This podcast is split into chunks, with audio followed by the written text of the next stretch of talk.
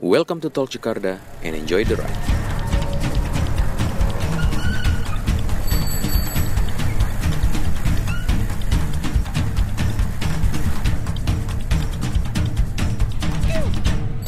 Halo, selamat datang di Talk Jakarta. Hari ini selain bahas sepeda-sepeda, kayak bosen kali ya sepedaan mulu. Dari kemarin parts lah yang gue bahas, sepeda lah. Terus eh, art terakhir kita juga beberapa kali bikin be- apa ngebahas art.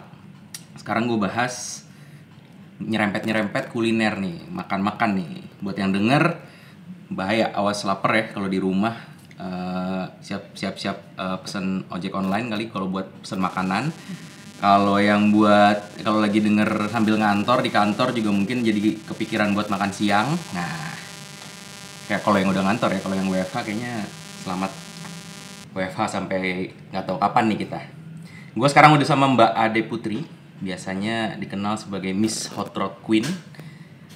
Hot Rod cuman sepedaan. Nah, kita bahas nih ntar nih, kenapa jadi Miss? Boleh, boleh, boleh.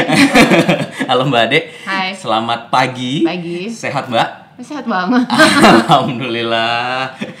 Kayaknya kemarin habis jalan-jalan jadinya lebih sehat nih. Harusnya. Keliling Sumatera doang kemarin berarti kemarin. Salah, keliling eh, bukan keliling, menyusuri Jawa supaya bisa nyebrang ke Bali. Oh, Oke. itu itu itu alasan utamanya sebenarnya. Bali itu tu- hanya tujuan. Jadi kalau yang follow Instagramnya Mbak Ade pasti udah kalau setiap dia posting pasti agak-agak aduh salah nih. Kalau apalagi kalau eh, bukanya rada-rada deket jam makan siang atau lihat pas ngeliat di feednya lagi sore-sore itu agak-agak salah tuh kayaknya. Paling kasihan kalau malam sih bukanya. Oh bener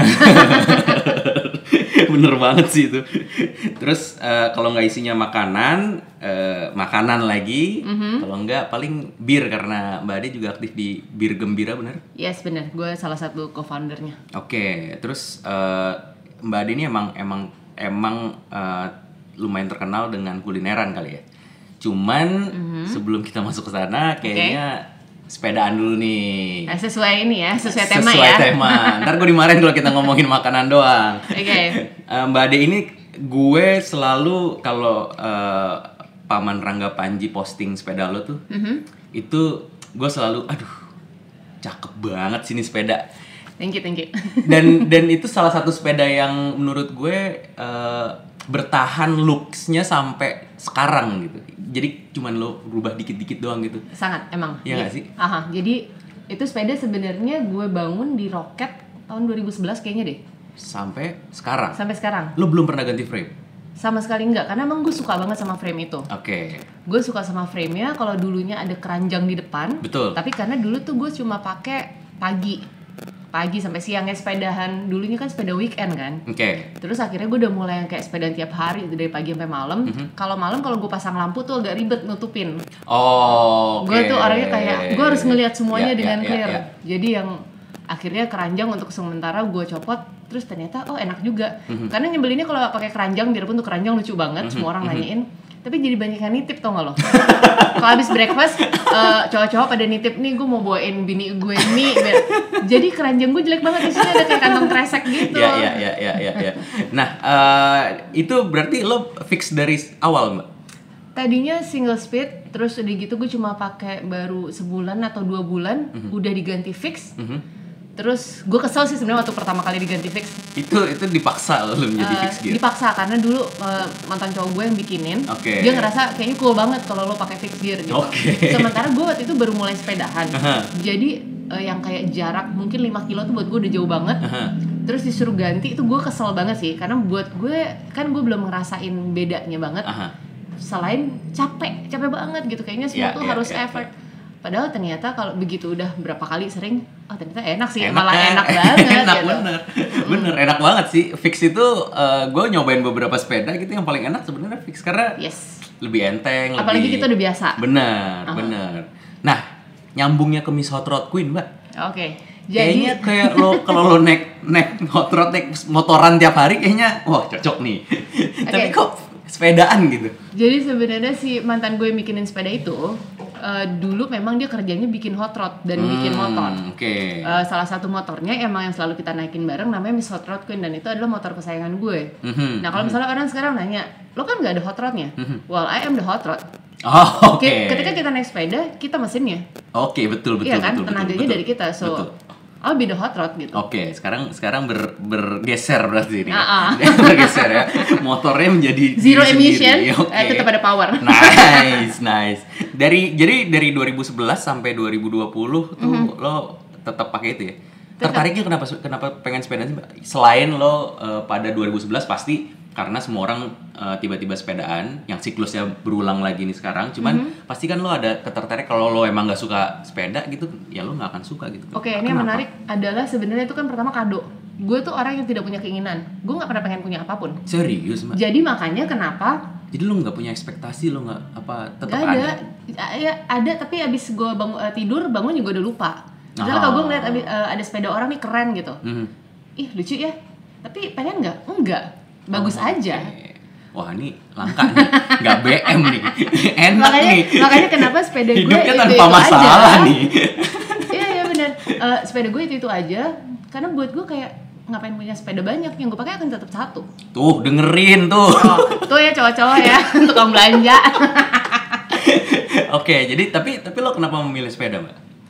Lo Eh. tapi menikmati begitu lo dikasih walaupun dipaksa quote unquote tapi lo terus men- menja- ada yang dikasih tapi sampai sekarang cuma ngejogrok aja gitu mbak. Tapi Oke. lo dipakai lo sampai sekarang. Jadi tadinya gini, gue eh, seperti mungkin orang-orang pada umumnya waktu itu cewek-cewek kali ya. Hmm, Jadi cuma keluar weekend.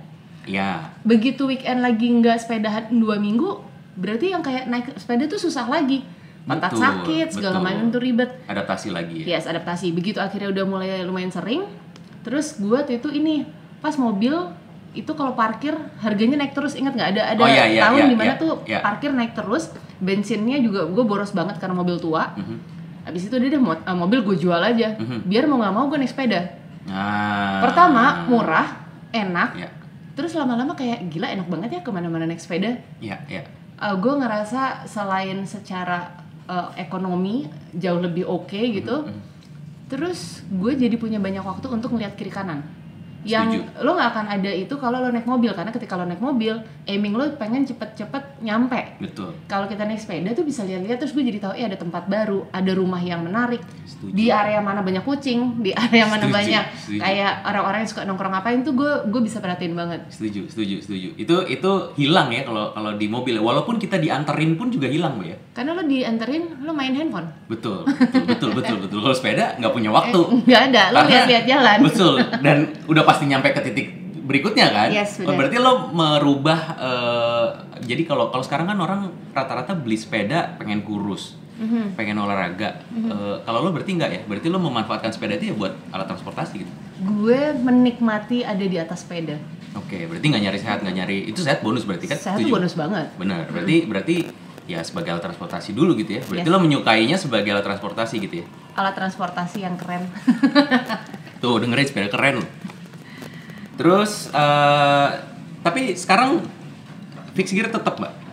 tetap jadi gue tuh cuma sempat eh, ganti tuh waktu yang gue gue sempat perjalanan Jakarta Bali tuh Mhm. gue tadi mau pakai fix Mhm. tapi sama si Lucky dibilang mbak kamu nggak boleh pakai fix dia selalu mengkhawatirkan itu padahal menurut gue emangnya kenapa dia tuh nggak percaya kalau gue tanjakan gue bisa Iya kan? Iya, iya. terus tapi ya udahlah digantiin dipinjemin Oke. Eh, waktu itu punya siapa ya oh, gue lupa namanya tapi yes dipinjemin Andre bukan?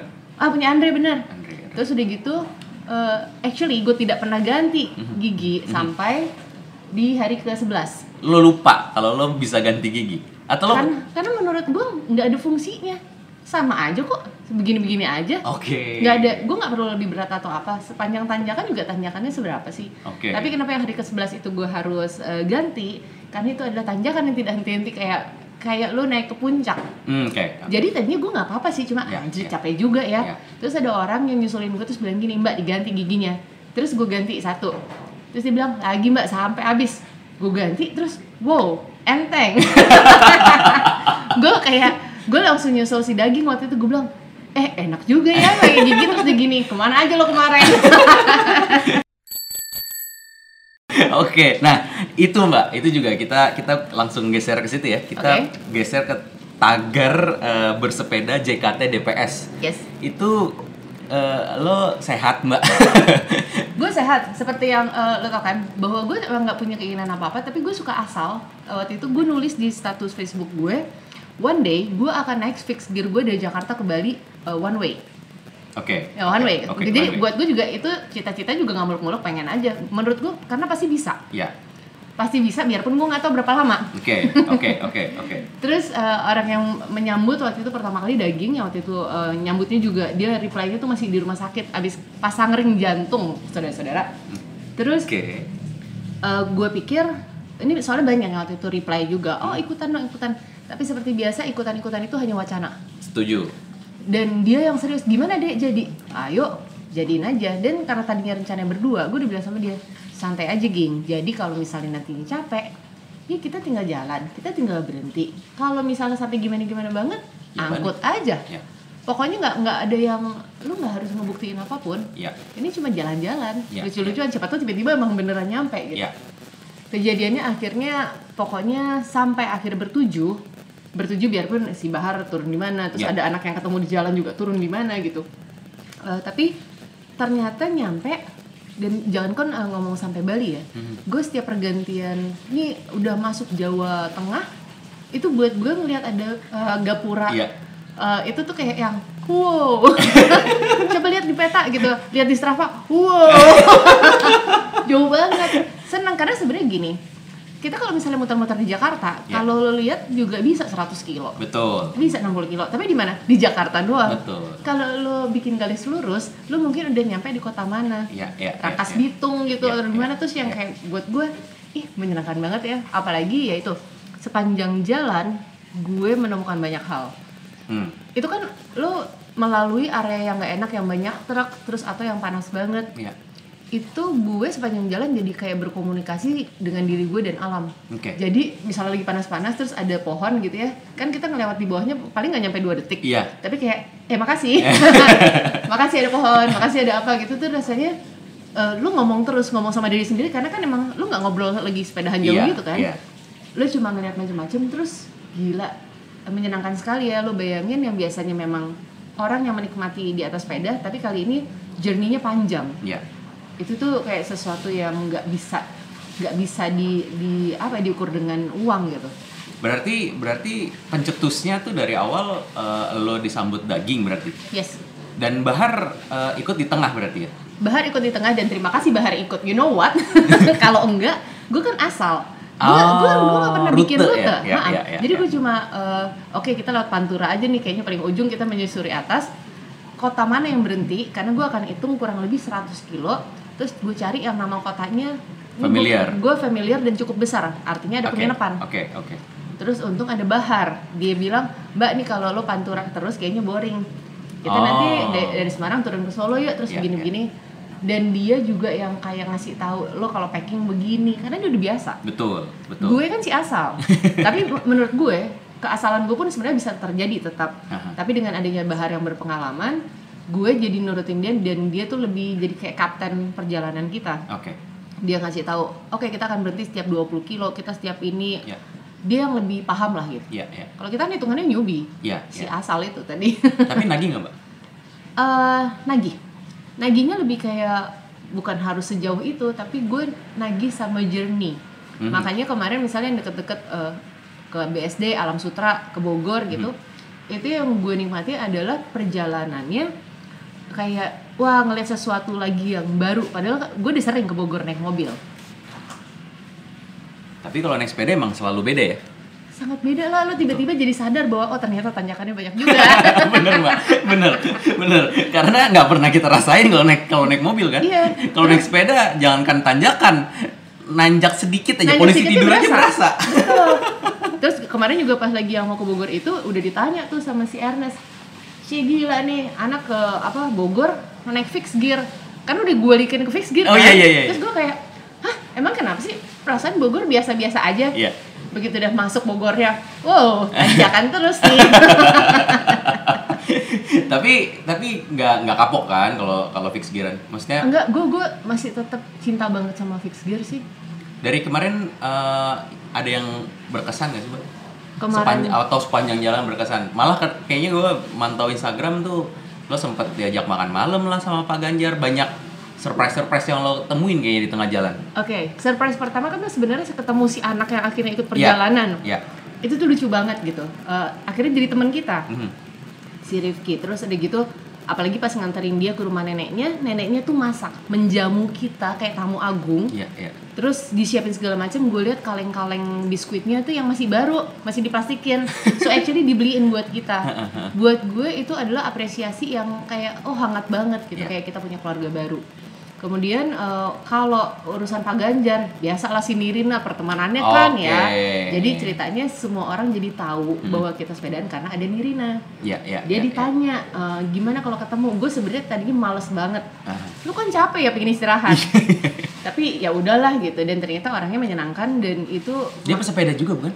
Dia bersepeda istrinya juga Oke. bro kuat banget Oke, oke, oke, oke. dan itu waktu itu juga makan malamnya yang sangat santai sebelum akhirnya dia membawa kita ke rumah dinas dan memamerkan koleksi sepedanya dia besoknya jadi dia nganterin eh, dia nganterin dari Semarang ke batas kota lah Mhm, mhm. itu jalanannya Nganterin juga sepedaan. Nganterin sepedahan rame-rame Nice. gue kayak wow Oh. ada media wow kenapa perasaan kita mau biasa-biasa aja nih Tapi nggak bisa diekspekt eh, expect juga kan karena lo nggak ada ekspektasi sebelumnya juga kan maksudnya. Iya.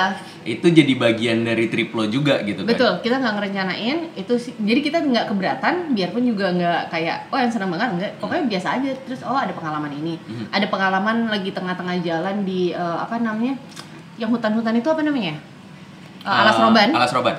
Gue lagi capek-capeknya saya berhenti bentar deh gitu. Eh ada orang jalan kaki ya terus banyak ada papannya segala macem lah yang di yang nempel di badannya. Bertuliskan bahwa dia jalan kaki dari Solo ke Jakarta. Gue yang adek lu jangan ngeluh lu harus tahu yang orang ini jalan kaki pakai sendal jepit swallow. Terus sendal jepit ke berapa tuh mbak? tapi gila kan maksudnya gue dalam perjalanan melihat juga perjalanan orang Iya. intinya lu nggak usah jumawa Iya. bahwa oh lu sepedaan apa segala macam banyak juga kok orang yang sepedahan eh, Jakarta Bali cuma mungkin eh, zaman dulu kan nggak ada sosial media Iya betul. jadi nggak terlalu dilihat orang Iya. terus udah gitu eh, apa ya ini ini pokoknya kayak yang biasa-biasa aja lah karena ternyata ada yang lebih berat perjalanannya dari Betul. lo Udah langit di atas langit ya. Yoi. Nah, kalau kalau ketemu Mbak Ade nih Mhm. di sepedanya itu, gue tertarik nih baru baru ngeh juga kemarin eh, beberapa minggu lalu juga teman-teman gue pada nge-share orang-orang pada bawa bidon terus isinya minuman. Kalau Mbak Ade bawa botol ditaruh di tempat bidon itu isinya makanan kucing. Itu menarik sih. itu terjadi kalau kita cuma sepedaan kan. Kalau kita naik mobil nggak mungkin kan. Maksudnya eh, lo, lo gimana lo mau berhenti Nah, itu ada misi tertentu nggak sih Mbak? Gue basically memang gue sangat suka binatang anjing kucing orang yang kelakuannya kayak binatang juga gue suka jadi karena kebetulan di Jakarta banyak banget stray cats Ya. itu yang eh, gue memang bawa makanan kucing di mana-mana kalau nggak di sepeda gue di tas gue juga selalu ada Selalu ada. ah jadi emang kalau emang bisa gue kasih gue kasih sih Oke. kalau di Bali gue suka beli emang makanan anjing karena lebih banyak, Banyak stray anjing. dog Betul, Ah, betul, betul, betul. jadi sebenarnya nggak ada misi tertentu tapi buat gue setiap orang bisa berbagi masing-masing ada yang misalnya mau ngasih uang ke apa pengemis orang Iya. minta-minta apa segala macem ya ini cuma salah satu karena menurut gue kucing tuh nggak bisa minta sendiri jadi kita yang harus ngeliat untuk sadar oh mereka ini perlu makan gitu Iya, iya. Sejak kapan Mbak lo melakukan itu? udah lama sih udah dari dulu banget Sebelum lo sepedaan pun juga lo sera- sering di, melakukan. di mobil gue biasanya ada Selalu ada. Ah, tapi itu kan buat gue taruh di dalam tas Oke. Jadi kalau gue turun gitu ke mana-mana Lo juga tapi lo mem- eh, miara kucing di rumah atau anjing? Enggak, gue nggak pelihara kucing. Eh, gue juga sudah tidak pelihara anjing karena anjing gue hilang waktu itu. Tapi gue sering eh, ini, jadi gue dog walk anjing orang. Oh. Banyak orang di Jakarta yang punya anjing tapi nggak punya waktu untuk Dog sitter jadi. Yoi dog sitter. jadi gue tinggal nanya anjingnya mau lo mau apa misalnya kayak bawa gue bawa berenang tapi dia yang bayarin ya. Iya, iya. iya. Jadi gue cuma nemenin. Karena anjing tuh memang perlu jalan-jalan. Iya, betul, betul, betul. Jadi gue cuma senang aja tanpa ada kewajiban kalau misalnya kayak gue mau keluar kota, gue nggak perlu mikirin si anjing gue nanti gimana. Iya. Jadi intinya eh, gue cukup sayang tapi bisa gue pulangin ke Wah, menarik, menarik. Gue gue baru pertama kali nih denger ada ada pet sitter ya. Kalau di luar negeri ada dan itu profesional eh, berbayar. Oke, oke. Kalau yang di luar negeri juga kan pet sitter itu biasanya yang suka bawa eh, jalan-jalan anjing juga kan ke mana-mana Iya, gitu kan. Iya, itu emang dibayar kok. Oh, kalau- di sini lo dibayar atau lo hanya melakukan sebagai hobi? Kan gue bilang, gue biasa-biasa aja sama eh, apa segala macam. Gue tidak pernah punya keinginan sesuatu sehingga gue gak pernah minta duit. Iya bener juga. nggak nggak usah nggak usah semuanya diduitin juga ya nggak sih nah yang diduitin mending kuliner ya Ah, ah. nah gue waktu stalking lo nih sebelum gue research dan segala macam dan beberapa cari eh, cari artikel beberapa tentang lo gitu ya Mhm. lo menyebut diri lo tuh eh, culinary storyteller yes itu eh, ini agak agak agak lumayan baru nih maksudnya eh, biasanya menyebutnya food blogger lah food Mhm. food eh, reviewer atau apa eh, lebih ke situ gitu nah Ya. kalau culinary storyteller tuh apa sih mbak itu memang istilah yang gue bikin sendiri. Tadinya buat personal branding. Oke. uh, untuk membedakan gue dengan orang lain tapi memang menggambarkan bahwa gue tidak gue bukan review. Gue bukan mau bilang ini enak atau nggak enak. Oke. Gue bukan food blogger karena gue nggak punya blog juga. Terus uh, gue juga bukan vlogger karena gue nggak pernah ngerekam kayak yang hi guys gue lagi di mana gitu. Ya ya tapi yang gue lakukan adalah uh, storytelling storytelling itu bisa berupa tulisan ya bisa berupa gue jadi narasumber di web series, di TV atau di radio. Karena gue dulu juga sempat eh, siaran radio kan, gitu Oke. ngomong ngebahasnya juga ngebahas makanan. Dan eh, ini adalah cara gue untuk bercerita makanan itu bukan cuma dari rasanya, harganya, penampilannya, tapi gue juga ceritain bahannya, proses pembuatan, budaya atau sejarah yang ada di belakangnya. Sehingga Ah. menurut gue kalau lo membaca itu lo dapat insight banyak. Ya kalau misalnya lo baca makanan yang enak banget di mana di mana? Lo pasti emang eh, wah nyangkut nih gitu. Iya. untuk lo pengen langsung buru-buru pergi ke sana cobain makan. Ya ya that's it selesai. Ya karena akan ada banyak sejuta lagi makanan kayak begitu. Ya nah ketika gue ceritain suatu makanan misalnya gue ceritain soal sate sejarahnya terus sate mana yang eh, oke banget untuk sate padang misalnya. Ya jadi lo makan tuh sate padang di tempat yang gue refer tapi terus lo kan baca ceritanya Mhm. lo jadi nyangkut lo akan Oh, inget terus cerita itu Oke, oke, oke, oke, oke. Itu itu dari kapan lo uh, tertarik sama sama kuliner sih, Mbak? gue sebenarnya dari tahun 2000 eh, enggak sih sebenarnya gue dari lahir juga orang keluarga gue tuh foodie Ah, tapi gue mulai nulis itu eh, kayaknya kayak tahun 2000 kali ya 2000. dulu zamannya ada multiply.com kayak blog-blog ya, gitu ya, ya. Gue belajar nulis nulisnya lo bukan cuma tentang makanan tentang buku film Ya. tapi ternyata menurut gue gue lebih pintar nulis soal makanan karena passion gue di situ Ya, ya. Lo masak juga tapi kan? Karena Masak. lo ber- berbagi resep pasti lo masak kan? yes gue masak Oke. Eh, dulu kan sempat buka juga mbak di Santa. Mm-mm. Gue sempat beberapa kali nyobain masakan lo dan menunya yang berubah-ubah itu Yes, tergantung dari ibu lo masak apa di rumah yang nah, bilang. tergantung nemu apa di pasar Oke, Eh, nggak pengen buka lagi mbak? Atau udah udah rencana? Atau udah buka lagi? Gue belum tahu atau gimana? Nggak buka lagi gue akhirnya sekarang memutuskan lebih kayak jadi konsultan aja Eh, apa ya banyak orang yang sekarang bikin usaha gue lebih ngebantuin dengan keahlian gue karena gue nggak mau saingan lagi sama orang-orang semua orang udah buka tempat makan ngapain gue buka Ya, tempat betul, makan betul. tapi gue bisa kasih insight ke mereka apa yang sebaiknya dilakukan tren seperti apa Mhm. mengenai bahan proses dan lain-lain itu seperti apa Hmm. Itu lo uh, khusus makanan Indonesia kan? Uh, dan lo tertarik di makanan Indonesia kan? yes Itu Jadi, dan ada apa? uh, uh, aku cinta makan masakan Indonesia, makanan Indonesia. aku cinta makanan Indonesia Uh, itu gerakan eh, ini sih gerakan non profit yang dibuat oleh ada namanya Mbak Santi Serat sama Om William Wongso Iya. Eh, emang gue terlibat di situ sebagai PR kita pengen mendokumentasikan mempromosikan makanan Indonesia Mhm. ke dalam maupun luar negeri Berat nggak sih mbak? Eh, dulu banget berat kalau sekarang tuh udah enggak sebenarnya Oh gitu.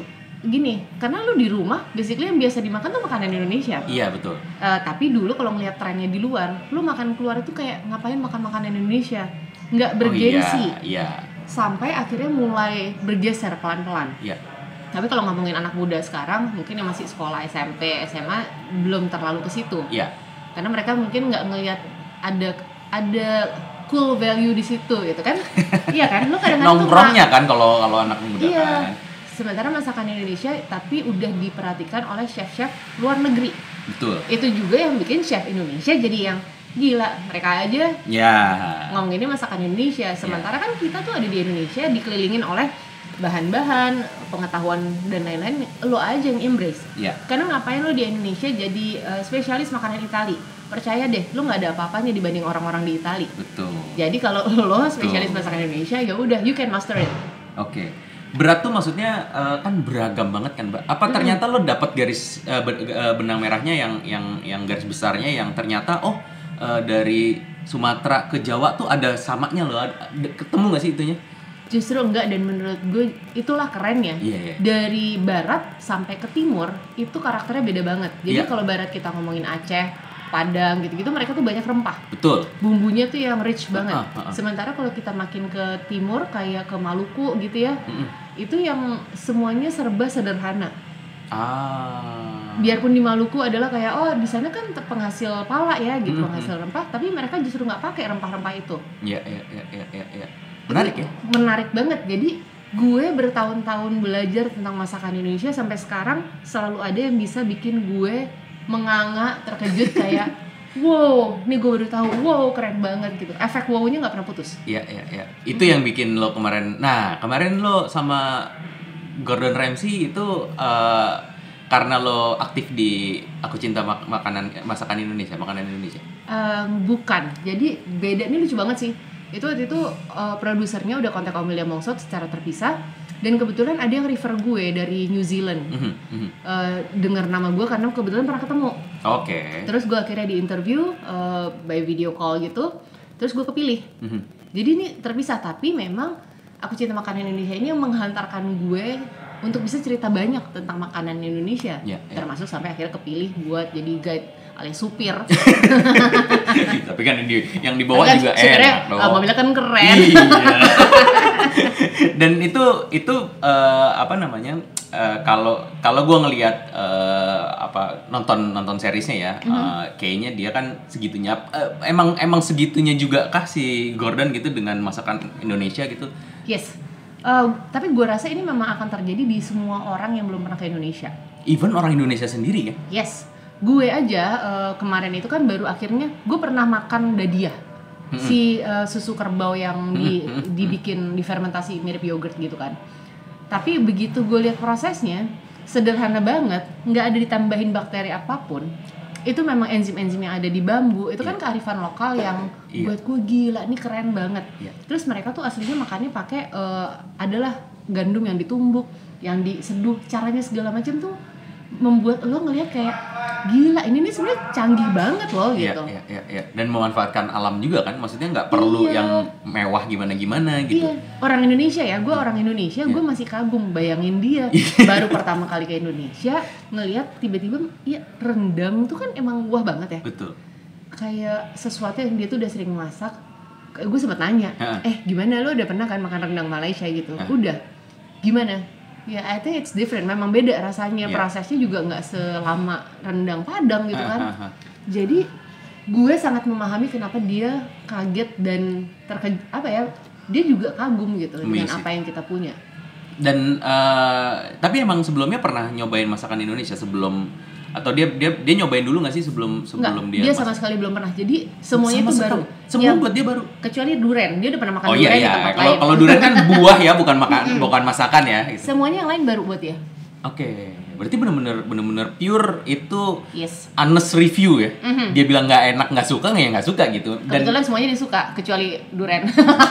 suka juga karena karena dia pun miss karena proses dan Proses, dan iya. pembuatannya kan yang nggak dia nyangka Iya. oh, gitu gitu kan. Makanya kan dia lo lihat nggak sih dia bikin uh, omelet pakai Iya, ini, iya. pakai bumbu rendang. Iya. Kita sih mau bilang "Eh, Mas Mas di rumah juga sering kita bikin kayak gitu. Tapi tentu kan dia lagi yang kayak gila, ini Iya. bisa jadiin ini. Iya. Gue bilang lo bisa jadi spread juga bos pakai roti. Betul. Betul. Itu bener exact sama sama yang dipikir eh, yang dibilang sama istri gue. Istri gue bilang, Mhm. "Ini mah ayah bikin bikin eh, omelet pakai bumbu rendang, ya itu yang dilakukan." iya iya.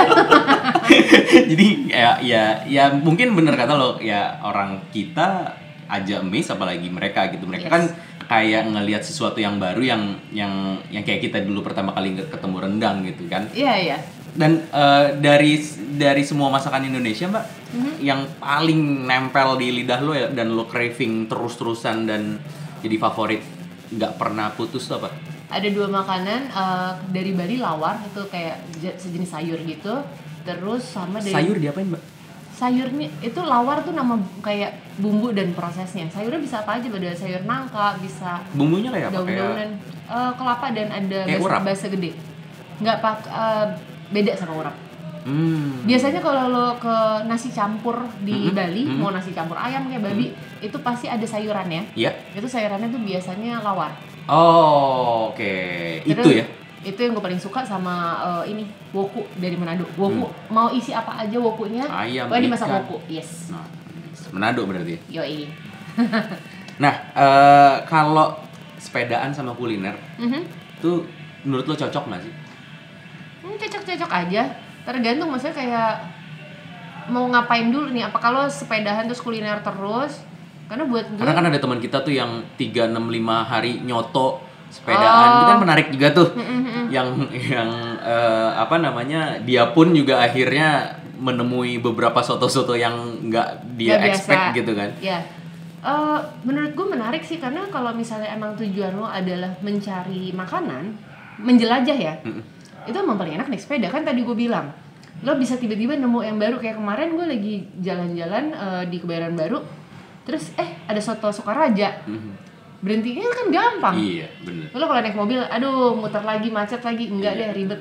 Ini yang kayak tinggal berhenti, lihat kalau lo nggak mau pun, Hmm. lo bisa langsung pergi. Ya. Kalau naik mobil kan rasanya effort, orang udah parkir. Iya betul. Belum lagi kalau udah turun. Iya, iya.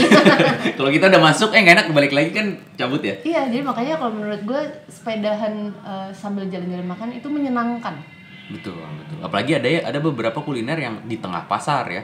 Oh yoi, itu Kan- kesukaan gue. Nah, ada yang yang eh, yang aneh-aneh yang lo pernah samperin naik sepeda tuh mana aja mbak? Wah kalau yang sampai aneh, sebenarnya gini. Lo lo pernah nggak sih? Gue gue pengen pengen makan ini eh, pas sepedaan nih. Enggak, karena gue tipe yang nanti lihat di jalan, Jalan. aja ada apaan. Oke, lo nggak pernah nggak pernah. Tapi lo pasti eh, misalnya mau ke, ke Kebayoran dari dari Cipete gitu misalnya Cipete ke Kebayoran. Tapi lo udah udah ngebayangin oh gue pengen makan ini ya gitu. Atau lo Kadang-kadang iya, kadang-kadang iya. Tapi seringnya gue lebih kayak jalan-jalan nanti ketemu sesuatu yang menarik gue berhenti. Hmm. Itu gue lakukan di mana pun, nggak cuma di Jakarta. Dan gak cuma kulineran. Nggak cuma kulineran, apa pun yang kayak kalau misalnya dia menarik ya berhenti aja, lo lihat aja.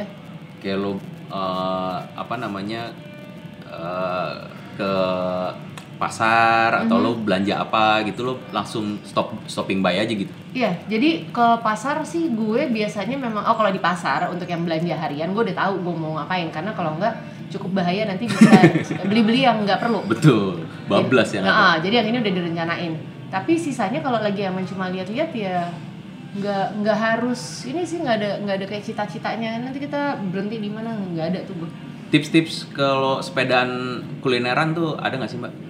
Ah, tips kalau gue sebisa mungkin, cuma seringnya gue sendirian sih. Gue selalu uh, menyarankan ke orang sebenarnya kalau bisa sepedaan agak beberapa orang supaya lo bisa share. Kenapa? Share dalam arti? Share makanan. Jadi kalau makan mie semangkok berdua aja, Oke. bagi dua. Kenapa? Supaya lo nggak kekenyangan. Betul. Uh, karena kalau misalnya lo makan yang um, karbonya kayak mie, roti atau nasi, gula gula darah lo langsung tinggi, Mhm. yang artinya lo makin kenyang terus habis itu ngantuk kan, Betul. which nggak enak. Betul. Jadi menurut lemes gue jadinya kalau sepedaan. kalau bisa lo bagi-bagi aja supaya habis itu jalan lagi nanti bisa makan di tempat kedua atau tempat ketiga Oke. karena sangat tidak bijak sepedahan kekenyangan ngapain sepedaan tuh harusnya enak. Daripada lo ngomel aduh sepedahan lagi padahal eh, masih kenyang ngantuk. Padahal salah lo sendiri. Tapi lo kayaknya kalau sepedaan sama Lucky nggak bisa satu dua tempat makan kayaknya. bener tapi enaknya Lucky akan ngabisin semua makanan gue Gue bisa minta rekomendasi nggak sih mbak? Beberapa eh, lima atau terserah lo gitu. Mhm, tempat makan. Tempat makan yang asik sambil sepedaan. Hmm. kalau asik sambil sepedahannya gue nggak tahu karena itu relatif ya Mhm. gue paling suka kalau di Jakarta gue ngajak makan orang tuh nasi tim ayau di pasar pagi. Oke. Eh, cuma memang kalau parkirnya lo harus nitip ke orang tuh, ada ada ATM di seberangnya. Satu ya pasar Ah, pagi ya. Pasar pagi, Nasi tim pasar pagi. yes eh, ayau. Kedua. Udah gitu jalan-jalan ke pasar Muara Karang. Hmm. Di pasar Muara Karang tuh ada kopi tiam, ada mie segala macam ada. Ya. Terus nggak fancy, jadi tempatnya memang jelek. Tapi lo bisa minum kopi enak harganya 6000 es Oke. kopi enak. Oke oke. Terus eh, Murah ya, Karang. uh-uh. Ketiga. Abis itu Makan berat? makan berat. Gue gue juga nih termasuk Brooklyn ini adalah salah satu tempat yang menyenangkan untuk nongkrongnya, kopi-kopinya. Oke. Sebelahnya ada Skartaji. Makanan Oke, Surabaya. oke. Jadi gue kalau lagi mau makan beratnya gue ke sana, nanti habis itu nongkrong nongkrong mimi mimi, eh, minum kopi atau apanya baru di Brooklyn. Brooklyn. Brooklyn Panglima Polim. Ah, ah. Terus tunggu daerah mana lagi ya? Hmm, hmm, Barat hmm. barat Kalau barat, non halal mungkin. gue biasa aja lagi sama non halal. Oh, jarang nih biasanya. Tidak semua eh, makanan berbabi itu nikmat saudara-saudara, biasa aja. Tuh dengerin ya. eh Oke, apa ya? Mie kali ya. Kalau mie di Jakarta Barat, oh gue suka mie alok. Oke. Lagi-lagi itu ayam. Nggak apa-apa juga. Mie ayam nggak harus, nggak harus, nggak harus. Mm-mm. Bakmi alok. Terus oh ya udah gitu satu lagi di Pulau Gadung Mhm. ada warung Betawi namanya Mak Doer. Waduh, itu masakan Betawi semua atau? Makanan Betawi semua, eh, dia punya menu mungkin sekitar 70-an. Sampai gabus pucung ada mbak? Ada. Eh, Gabus pucung, eh, pecak pecak bandeng, apa segala macam ada semua. Apa Segala yang yang pete-petean. yang andalan lo di situ? Andalan gue si eh, pecak, terus udah gitu cumi cumi pete, cabai hijau, dan segala macam yang digoreng, yang di atasnya dikasih bawang merah goreng berlimpah. Waduh. Itu tuh kayak menurut gue, gue bisa bawa siapa pun ke sana, karena kalau lo nggak suka pedas, ada yang nggak pedas. Sampai soto-soto Betawi pun ada mbak? Nah soto betawi nggak ada, jadi dia lebih kayak masakan rumahan. Masakan rumah. Jadi kayak warteg tapi warbet kali ya. Warung Warbet. Jadi Betawi itu gitu. gue ya. biasanya kalau misalnya gue harus kan gue suka bawa orang trip Iya. eh, makan-makan, itu salah satu tujuan gue. Oke. Nanti siang juga gue mau ke sana. Di Pulau Gadung. Di Pulau Gadung. Pulau Gadung guys. Jadinya kalau dari Panglima Polim, Ah. ntar Mbak Ade mau ke Pulau Gadung. Pulau Pulau Gading Kelapa Gadung. Ayo iya. Dasar gadungan. Ada tips lain Mbak untuk teman-teman kita yang eh, mungkin masih masih eh, atau mungkin tertarik atau mungkin masih baru tahu gitu ya maksudnya pengen tahu lebih eh, soal makanan Indonesia gitu. Ini eh, mungkin Mbak Ade sebagai perwakilan aku cinta makanan Indonesia juga eh, ke mana sih enaknya gitu apa apa selain di rumah kadang kan ada juga yang memang orang Indonesia tapi kadang jarang nemuin masakan rumah gitu ya di rumahnya juga Ah. mungkin mungkin jarang gitu dimasakin ya kadang-kadang mungkin masakannya itu lagi itu lagi gitu Eh, Iya. bukan makanan yang yang eh, yang aneh-aneh gitu yang yang Oke. hampir kayak warteg gitu Eh, Mhm. Pak, kalau memulainya dari mana mbak menurut gue mulailah keluar dan jalan kaki atau naik sepeda. Hmm. karena gue yakin sebenarnya sebelah sebelah lo banyak. Tapi kan kalau lo naik mobil lo nggak ada lihat udah nggak lihat sebelah. Betul. lo langsung uh, mau pergi gede, yang jauh gitu. ke mall gitu. Yes. Dan uh, sebenarnya kalau melihat dengan lebih cermat di setiap mall aja udah banyak kok restoran Indonesia yang modern kayak Iya, iya. di di hotel aja pasti ada menu makanan Indonesia. Iya. nggak mungkin nggak ada. Jadi itu bisa mulai dari situ. Terus kalau gue lihat lihat di YouTube juga semua orang sekarang rata-rata yang di review tuh banyak masakan Indonesia. Betul betul. Terus kalau gue caranya kan kadang-kadang wah gila kebanyakan nih. Gue harus yang mana dulu? Mhm. gue Iya, setiap setiap gue nonton gue lihat Instagram gue baca apa pun yang ada info makanan itu gue langsung taruh poin di Google Maps gue Oh, oke. jadi just in case gue Iya. lagi mati gaya gue mau ke mana lagi ya Iya. itu ada eh, tempat-tempat yang harus dikunjungin itu berarti gue belum pernah Aha. terus ada juga yang gue udah kunjungin Aha. jadi kalau ada orang juga nanya mbak kalau gue mau makan di daerah mana Eh, di daerah sini gitu Pulau Gadung misalnya iya. langsung gue share aja peta gue nah lo bisa lihat tuh di Pulau Gadung udah gue tanda-tandain apaan aja Lu serajin itu ya, Mbak? Rajin lah karena gue pelupa gue takutnya kalau orang nanya jadi yang kayak Tapi itu "Hmm, penting sih. ya?" Kadang-kadang kan kita pernah eh eh, itu loh yang di situ loh, di situ loh, di situ. Tapi Iya, lupa. lupa dan udah gitu itu gue cuma gue kasih note sedikit misalnya makan di itu yang harus dipesan apa Hmm, oke. udah sederhana jadi pas orang ini nggak terlalu banyak nanya lu bayangin nggak setiap Iya, hari benar. ada berapa puluh orang yang nanya ke gue terus ya masa gue satu-satu gue tanyain lo lagi di daerah mana Iya. Belum lagi kalau yang tadi warung Betawi ada 70 70-an menu. Nah, kan yang mana yang enak, Dek? Ah. Mana ya? dan lidah kan beda-beda ya. Yes. Kadang-kadang lo eh, dan lo penyuka pedes dan eh, itu nggak? gue suka pedas gurih asin eh, bukan penggemar manis tapi gue karena kebutuhan kerjaan kalau memang harus dikasih manis gue gue makan Oke, pahit, pahit makan pare gitu lo deh. yes makan Oke. gue apa pun yang gue nggak suka gue akan tetap coba karena tujuan gue bukan untuk memuaskan lidah gue tapi gue harus bisa cerita ke orang Oke. rasa apa yang Balik lagi gue- ke culinary storyteller Yes, tadi. Oke, berarti yang lo ceritain berarti eh, di baliknya dan segala macam ya kan nggak hanya rasa. Jadi Eh, enak enak tuh nomor kesekian buat. Jadi rasa tuh gue ceritain tapi bukan penilaian gue bahwa oh ini enak banget, enak banget di mananya dulu. Gue suka makan kerupuk kulit kodok. Kalau misalnya gue cerita aja orang udah enak ngelihatnya. Kayak, Iya, hah iya. kerupuk kulit kodok mana mungkin enak. Jadi gue cuma akan cerita rasanya biasanya asin terus ada teksturnya, bentuknya seperti apa. Oke. Kalau enggak kan lu denger namanya juga Bingung ju- di iya. kulit kodok gitu. Iya iya iya iya iya. ya, Tapi emang beneran ada, Mbak. ada ada di Semarang biasanya ada. Oh, oh Itu di cuma- daerah Jawa ya? itu Daerah Jawa kan juga kayak jangkrik warung-warung. segala macam juga kan dijual kan maksudnya. Yes, ini juga kalau eh, kenapa kok ada keripik kulit kodok? Karena kulit kodok tuh jarang dipakai. Oh, jadi oh iya kalau suike juga kan itu udah tinggal udah ininya doang ya. Iya iya iya. terus biasa dibuang jadi karena Ada yang hebatnya orang Jawa apa sih yang nggak dimakan Iya bener. kulit aja dimakan Iya iya iya iya iya iya. Dan eh cuma di di Indonesia ya. yes Eh, kalau masak Mbak, Mhm. eh, masakan banyak yang bilang masak eh, masakan Indonesia tuh susah.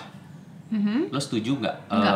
apa namanya? Banyak yang bilang, nggak nggak setuju Hah? nggak setuju makanya gini sebenarnya kita bisa memulai dari sesuatu yang paling gampang. Seperti? Kalau lo langsung lihatnya kita Rendang. punya kita punya sop ayam. Ya, ya, ya, ya. sederhana kok. Sayur bayam. sayur bayam ada gitu. Kalau lo mulainya emang dari yang kayak rendang semur apa segala macam emang panjang. Tapi kalau lo harus membiasakan dulu sering masak dari yang gampang-gampang lo dapat apresiasi misalnya dari suami dari apa segala macam abis itu lo pasti akan mulai mulai coba yang lain ah se- sesuatu yang lebih susah lagi sayur Oke. lodeh Oke. sayur apa Naik level, naik level. naik level naik level lama-lama lo akan sebenarnya tahu itu tidak sesusah itu Berarti start dari yang gampang dulu. iyalah lo kan juga naik sepeda startnya juga dari yang Iya, gampang dulu dikasih roda tiga Betul betul betul betul. Jadi nggak susah ya. Enggak kok, sama sekali enggak. Soalnya eh, banyak banget gitu yang yang mau memulai nyoba masak eh, bikin makanan. Apa karena udah eh, ini dulu kali ya? Eh, udah karena rasanya dia udah tahu yang mana menurut dia enak. Ketika dia disuruh bikin dia jadi jadi. Takut. jadi nggak pede dulu gitu kali ya. Padahal menurut gue basic untuk bisa masak adalah lo tahu rasa yang enak seperti apa yang lo mau. Hmm. Jadi gini, gue misalnya dapat buku makanan, eh, buku resep Afrika gitu. Hmm. Kalau gue masak, gue tuh cuma akan baca resep, gue nggak tahu gue harus ngejar rasa yang kayak apa. Susah dong. Betul betul. Nah tapi kalau misalnya lo udah pernah makan uh, sayur lodeh, oh kayak gini nih rasanya. Pas lo bikin resepnya nih, misalnya resepnya beda, Ya. tapi kok kayaknya kurang gurih ya, gue harus tambahin apa tuh tahu. Oh, Oke. Oh ini ternyata nggak ada wangi-wanginya si cabai hijau. Hmm. Berarti lo tahu harus masukin cabai hijau. Ya, ya, Yang mungkin nggak ada di buku resepnya, tapi lo pernah makan gitu. Ya, berarti ngejar rasa yang kita suka dulu kan sebenarnya Yes. udah karena kita udah tahu gitu ya.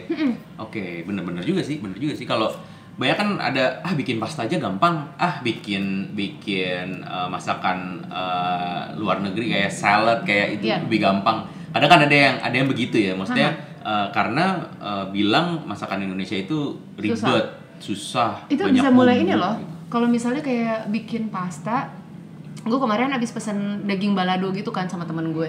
Terus habis itu gue lagi pengen hmm, masak makan apa ya, apa nasi. Ya udah gue bikin spaghetti, Mhm. tapi pakai si balado da- sapi itu. Works, Mbak.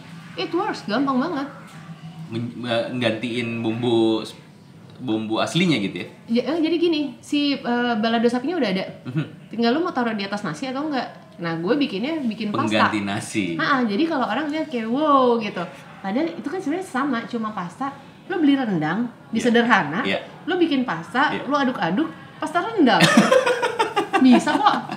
bener bener bener. Bagaimana lo memodernisasi? Karena ini kan buat makanan lo sendiri. Ya, ya. Lo bukan mau jualan di restoran gitu. Jadi Betul. nggak ada yang ngejudge, lo yang Iya, ngejudge diri lo sendiri. yoi. Yang ngejudge biasanya dari foto doang ya. Hmm, Yoi. Sama judul. judul begitu lo kasih bahasa Inggris kesannya kayak wow. gitu. Padahal misalnya eh, tempe orek. Caramelized tempe. ya elah. Tempe orek gila gitu. Ada rencana ke depan, Mbak? eh, tentang kulineran atau lo punya ya walaupun lo bilang nggak ada cita-cita dan ekspektasi lo pasti ada lah eh, mimpi kecil lo atau mimpi besar Hmm, mimpi mimpi gue terdekat deh mimpi terdekat Uh, kalau terdekat sih sebenarnya di kan gue sekarang bantuin Smesco dan kita lagi bikin uh, food lab. Jadi di sana akan kasih uh, apa namanya ada workshop, ada segala macam acara yang tujuannya bisa ngebantu UMKM uh, khususnya kuliner. oke Hmm. itu terdekat tuh Itu yang terdekat karena emang kita lagi bangun. Terus yang kalau yang jangka panjangnya gue pengen banget ngasih workshop um, dan masterclass itu makanan dan tulisan. Jadi gue pengen orang-orang ibu-ibu rumah tangga Iya. ngajarin chef-chef tentang masakan Indonesia. Jadi ngajarinnya cuma ini loh yang gue masak di rumah. Ini yang aslinya. Nanti chef-chef ini kan semua pada punya restoran. Iya. Lo udah belajar ilmu aslinya, abis itu lo mau ubah-ubah terserah. Kebalik ya? Karena Nggak, gini, menurut maksudnya- gue kalau lo mau maka, eh, lo mau belajar masakan Indonesia, lo belajar sama si ibu-ibu ini. Betul. Betul. betul. Kenapa lo belajar dari chefnya? Chefnya tahu cara mengolah dengan baik karena mereka belajar di sekolah yang kayak proper banget gitu kan. Iya, iya. Nanti mereka kalau udah dapet resep aslinya, mereka tinggal tweak lagi mau diapain. Mereka mau ubah jadi apa terserah. Nice. Nah nanti eh, siapa yang akan mempromosikan itu orang-orang yang nulis. Berarti ada food blogger, ada food jurnalis atau Iya. apa pun. Gue pengennya mereka memang dibekali basic menulis makanan yang baik. Hmm. Jadi bukan cuma enak dan nggak enak-enak banget. Eh, aku mau mati nih guys gitu. Jujur. Hah? Nggak, tapi kayak nggak apa-apa mereka mau tetap kayak gitu. Cuma gue pengennya mereka udah dibekalin. Iya, iya. Just in case lo mau nulis lebih dalam lo bisa. Ibaratnya kayak diajarin ibu. Hmm. Jadi jadi lo mau mau uh, uh, experience itu yang lo mau bawa gitu ya workshop Iya. itu ya. Yes. Jadi uh, lo akan ngumpulin ibu-ibu untuk ngasih workshop dan uh, justru workshopnya ke chef ya bukan bukan bukan workshop belajar masak tapi lo justru berbagi. Ber- berbagi ilmunya karena apa? Kalau misalnya gue selama ini ngajarinnya ke ibu-ibu lagi ibu-ibu itu cuma masak di rumah. Iya, betul. penikmatnya kecil. Sementara orang-orang pergi ke restoran. Yang masak siapa? Chef ya ya ya. Dan itu akan lebih mudah memperkenalkan masakan Indonesia membuat itu jadi cool ya. ketika lo makan dari restoran-restoran keren. Padahal resepnya dari rumah. Res- resepnya dari rumah. Dan mungkin uh, timbal baliknya mungkin ibu itu akan diajarin chef cara mot, uh, motong ikan yang yang yang basic nggak pernah belajar terus mungkin ada ada kan menurut suka ada udah tip udah nggak perlu karena apa? Ibu-ibu ini udah masak udah puluhan ya bener tahun. sih bener sih. Mereka nggak perlu. Bener sih. Mereka cukup diapresiasi bahwa makanan lo tuh seenak itu ya ya. sampai gue pengen memperkenalkan dengan cara ini. Betul. kenapa gue nggak nyuruh ibu-ibu ini masak buat orang banyak? Susah kan? Ini Oh kan iya. kita pengennya sesuatu yang berkelanjutan. Jadi Iya. oh restoran nih semua orang pergi ke restoran A dan restoran B. Ya udah kalau itu berarti gue panggil aja sih chefnya Iya, nih gue ajarin masak ini kali lo bisa present Iya. karena yang udah gue lakukan memang itu gue pergi jalan-jalan ke luar kota gitu ya gue bikin trip abis itu gue bawa bahan-bahannya gue bikin videonya segala macam yang gue undang semuanya chef sama media Mhm. Kenapa? Karena gue mau ngangkat cerita tentang si pulau itu misalnya. ya ya Kenapa gue ngundang chef ini? Karena gue pikir mungkin lo suatu saat akan mau uh, present si bahan ini atau cara masak ini di restoran lo. ya So now you know. ya ya Buat apa gue keep ke diri gue sendiri? Gue gak punya restoran. ya balik lagi ya Mhm. dan lo berba- berarti berbagi resep lo berbagi Cerita, sejarah, everything behind the food. rasa nomor sekian Rasa itu nantinya kan lo bisa bisa tentukan iya benar benar benar dan nggak nggak semua soal rasa ya karena masakan Indonesia ceritanya di balik itu juga lumayan banyak kayak Kalau soal rasa kulit itu kodok itu rasa itu tuh lagi uh, lagi-lagi pre- preference sendiri Preferensi kan orang ya? beda-beda. Yang gue bilang enak, yang gue suka belum tentu lo suka. betul betul betul betul Mhm. betul oke kalau rencana sepedaan mbak pengen sepedaan jauh lagi nggak mungkin ke Eh, timur kayaknya tapi kalau ke timur agak mengerikan ya gue nggak pernah melihat Jawa sesu- lagi kali? segala sesuatu itu mengerikan sih karena gue kurang mikir kan ya jadi sebenarnya gue pengen yang deket dulu Jogja oke. Gue pengen ke Jogja karena gue tahu biarpun nggak jauh tapi ada apa ya namanya kayak eh, lebih hilly gitu kan bukit-bukit gitu Iya. naik turun naik turun. Sama gue pengen bersepeda di Jogjanya. Setuju setuju setuju. Itu pasti kayak menyenangkan banget. Setuju setuju setuju. Karena tidak nyewa sepeda gue paling suka tuh naik sepeda gue sendiri. Paling bener sih. Atau dipinjemin pun juga pasti ada Kayak rasa gimana. beda rasanya. Tapi lo pengen ke Jogja bawa eh, sepeda atau bersepeda bersepeda bersepeda lagi Mhm. nagih berarti nih Ya gimana kalau bisa? Kan gue udah bilang Jebali aja nyampe masa Jogja nggak nyampe. oh yang penting udah udah ada udah ada tolok ukur buat diri pribadi dulu ya Kan, kan gue bilang kita pasti nyampe biarpun nggak tahu kapan. oke ada pesan-pesan lain mbak Enggak ah pesan dulu. tentang Kayak tentang pesepeda Gojek. pesan makan Oke, kalau gini aja. Kalau buat pesepeda sih kalau menurut gue lebih kan lagi rame nih mbak eh, apa ya? Bersepeda lah yang aman. Maksud gue lo harusnya tahu speed lo di mana kalau kan orang tadinya wah apaan nih road bike road bike pada di jalan eh, mobil gitu. Memang mereka speednya di situ. setuju Nah kita yang speednya kita maksudnya gue speed yang moderate yang santai-santai kita udah dikasih jalur sepeda so pakai lah. Pakai. Jadi kalau gue kan pengennya bersepeda tuh nyaman dan aman buat semua orang betul nggak ada yang kayak oh ini harus gaya eh, atau apa semua sepeda sama kok beda harga sih beda style tapi intinya sama-sama sepeda jadi nggak nggak usah sok gimana gimana lo nggak harus dapat privilege lebih karena kita semua sama. Karena pada dasarnya sepeda itu sebuah alat transportasi bukan? Iya eh, bukan bukan alat untuk bikin lo jadi keren biarpun memang lo bisa keren. thank you mbak Ade Sama-sama. selamat pagi.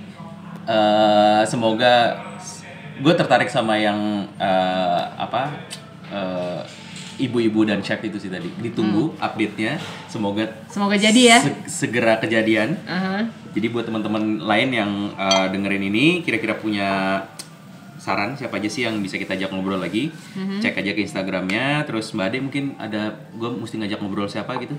hmm ngajak ngobrol siapa banyak sih lo harus cewek atau Enggak, enggak, enggak, enggak. No gender di sini. Yang penting sepeda lah. Gue pengen ajak ngobrol daging juga sih, apalagi dia setelah eh, apa namanya pasang ring jantung dan dia berangkat ke Bali itu lumayan lumayan story yang menarik gitu. terus dia eh, eh, hilang berat badan udah nggak daging daging aman Iya bener bener bener bener. Ya, sekarang Ari Gondrong. Itu aja. Uh, see you on the next episode of Talk Jakarta. Stay safe.